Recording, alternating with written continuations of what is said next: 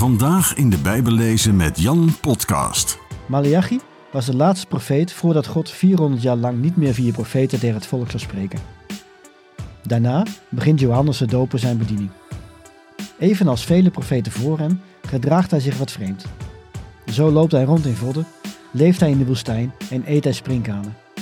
Hij roept de mensen op zich af te keren van hun zonde en zich te laten dopen. In het evangelie van Johannes zien we dat het gedrag van deze profeet tot verwarring leidt. Wie is deze Johannes de Doper? Het wordt hem op de man afgevraagd. Bent u de Messias? Bent u de profeet? Bent u Elia? Johannes ontkent het allemaal.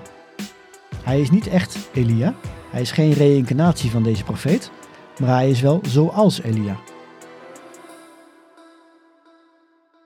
Welkom bij weer een aflevering van de Bijbellezen met Jan podcast.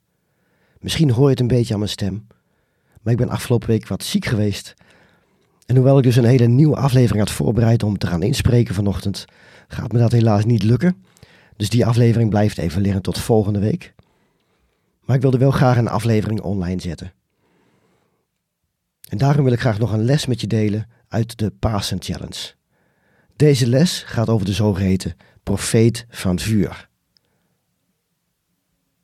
Ik hoop dat deze les je tot veel zegen mag zijn. De profeet van vuur. In deze aflevering staan we stil bij een verhaal dat je niet gauw zult horen in de tijd voor Pasen, terwijl het er toch alles mee te maken heeft. Voordat ik dat uitleg, laten we eerst de tekst van vandaag lezen. Dit is de context. We zitten in een periode ver na David. Het koninkrijk Israël is in tweeën gescheurd en zowel het zuidelijke als het noordelijke rijk hebben ieder een eigen lijn van koningen. De meeste koningen zijn niet trouw aan God. Gods profeten treden op in deze tijd als woordvoerder van de Heer. Zij proberen de koningen te corrigeren. Om de aandacht van het volk te krijgen, laat God het drie jaar lang niet regenen. Zijn profeet Elia krijgt daar de schuld van, omdat hij in opdracht van God had gebeden om de hemel gesloten te houden. En dan gebeurt dit. We lezen het verhaal in 1 Koningen 18, de versen 1 tot en met 46. Voor er drie jaren verstreken waren, richtte de Heer zich opnieuw tot Elia met de woorden: Ga je opwachting maken bij Agab. Ik zal weer regen op de aard laten vallen. Elia ging dus op weg naar de koning. Intussen was de hongersnood in Samaria zo groot geworden dat Agab zijn hofmeester Obadja ontboden had. Deze Obadja had groot ontzag voor de Heer. Toen de koningin Isabel de profeten van Heer liet uitroeien, had Obadja honderd van hen in twee groepen van vijftig in grotten verborgen en hen daarvan voedsel en drinkwater voorzien. Agab zei tegen Obadja, ga alle bronnen en rivieren in het land langs. Misschien is er ergens gras te vinden, zodat we onze paarden en muildieren in leven kunnen houden en het vee niet hoeven af te maken. Ze namen ieder een deel van het land voor hun rekening. Agab ging de ene kant uit, alleen, en Obadja de andere kant, ook alleen. Onderweg kwam Obadja Elia tegen. Toen hij hem herkende, boog hij diep voorover en vroeg: Bent u het, Elia, mijn heer? Jazeker, antwoordde Elia. Ga uw meester zeggen dat Elia eraan komt. Maar Obadja protesteerde. Dat zou mijn dood zijn. Wat heb ik misdaan, heer, dat u mij in Agabs genade wilt overleveren? Zo waar de Heer, uw God, leeft, er is geen volk of koninkrijk waar mijn meester niet naar u heeft laten zoeken. En als ze zeiden dat u daar niet was, dan liet hij dat volk of dat koninkrijk zweren dat ze u niet konden vinden. En nu wilt u dat ik mijn meester ga zeggen dat u eraan komt? Zodra ik van u wegga, komt er natuurlijk een geest van de Heer die u meevoert naar ik weet niet waar. En als ik dan tegen Agab zeg dat u er bent en hij kan u niet vinden, dan zal hij me vermoorden. Vanaf mijn vroegste jeugd heb ik een groot ontzag voor de Heer. Hebben ze u nooit verteld, Heer, wat ik gedaan heb toen Isabel de profeten van de Heer liet uitmoorden? Dat ik honderd van hen een schouwplaats heb geboden, vijftig in één grot en vijftig in een andere? En dat ik hen van voedsel en drinkwater heb voorzien? En nu wilt u dat ik mijn meester ga zeggen dat u eraan komt? Hij zal me vermoorden. Maar Elia antwoordde, Zo waar de Heer van de hemelse machten, in wiens dienst ik sta, leeft, vandaag zal ik bij Agab mijn opwachting maken. Obadja zocht Agab op en vertelde hem dat Elia eraan kwam. Agab ging Elia tegemoet.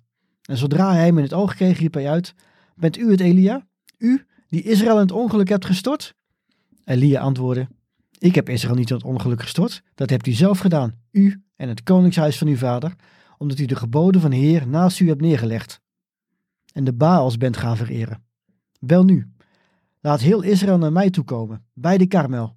Laat alle 450 profeten van Baal bij me komen en ook alle 400 profeten van Asherah, die door Isabel aan het hof zijn opgenomen.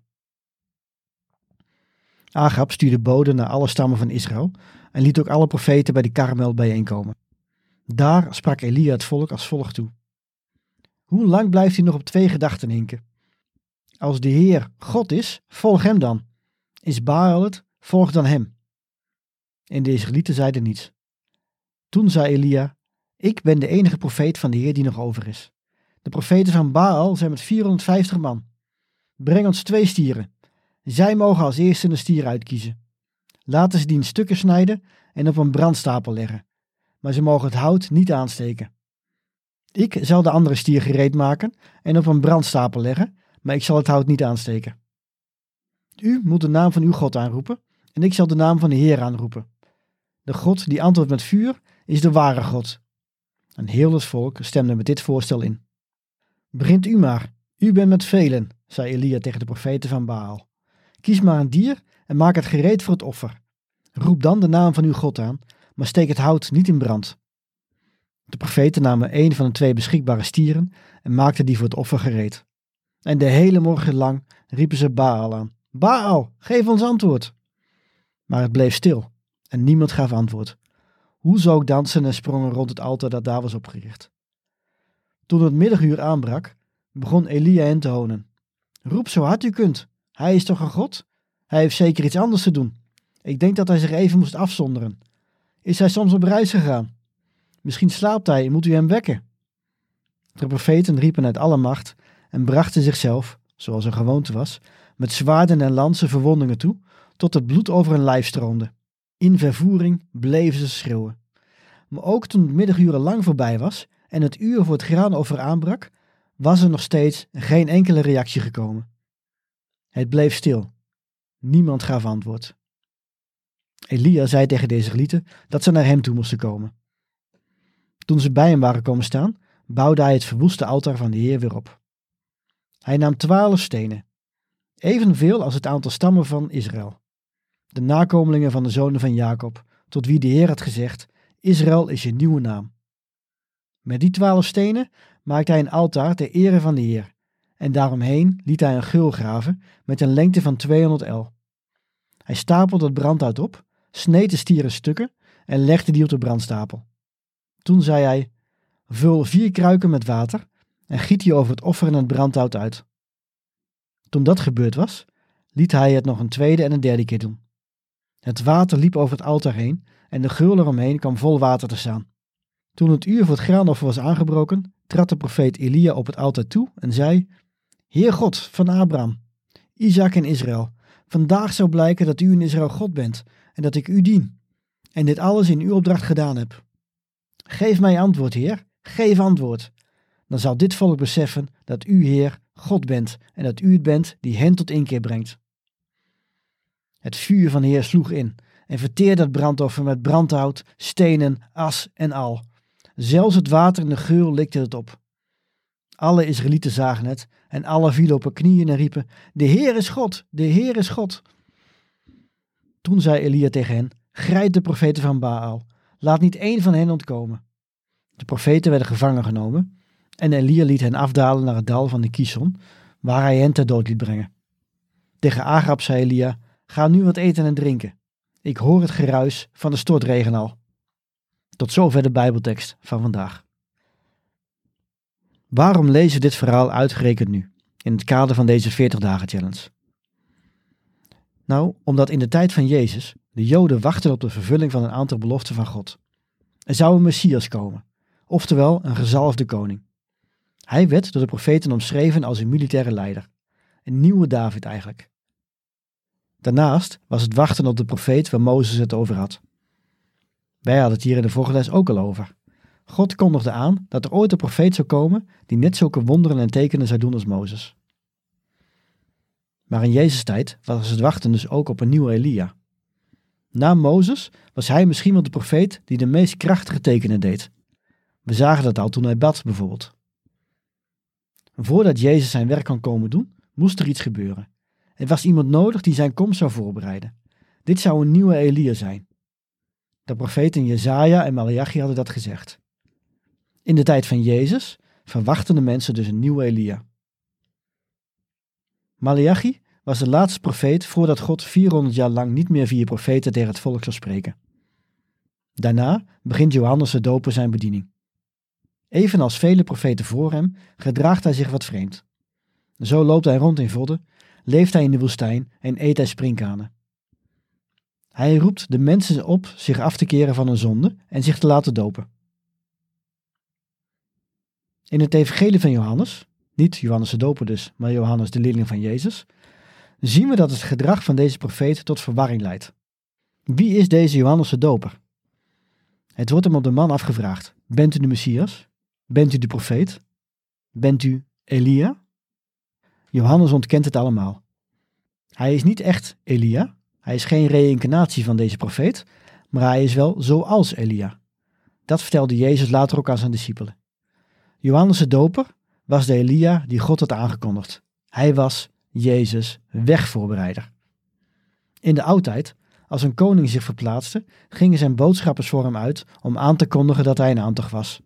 Dat was de rol van Johannes de Doper. Hoe leken deze Johannes en Elia nog meer op elkaar? Beide mannen riepen op tot bekering. Elia liet vuur uit de hemel neerdalen om de valse priesters te doden, terwijl Johannes aangaf dat de Joodse leiders door het vuur zouden gaan als ze niet tot inkeer kwamen. God gebruikte Elia om het land te reinigen van afgoden, terwijl hij Johannes gebruikte om de mensen van binnen te zuiveren door hen te dopen tot vergeving van zonde. Hoewel de verhalen van Elia en Johannes de Doper op elkaar lijken, zijn er ook veel overeenkomsten tussen de verhalen van Elia en Jezus. Zo kreeg Elia eten van raven, hij kreeg dus brood en vlees uit de hemel. En toen hij bij een weduwe woonde, ging haar eten niet op. En Elia wekte ook haar gestorven zoon op uit de dood. En Jezus, die gaf tot tweemaal toe duizenden mensen te eten. En hij liet ook verschillende mensen uit de dood opstaan. Hij geeft ze terug aan hun geliefde, precies zoals Elia dat honderden jaren eerder deed. Zo zie je dat Jezus zo groot is dat zijn schaduw als het ware het hele Oude Testament bedekt.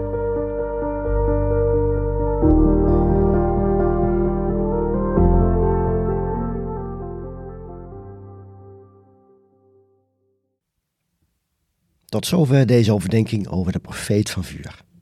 Ik hoop dat je het waardevol vond.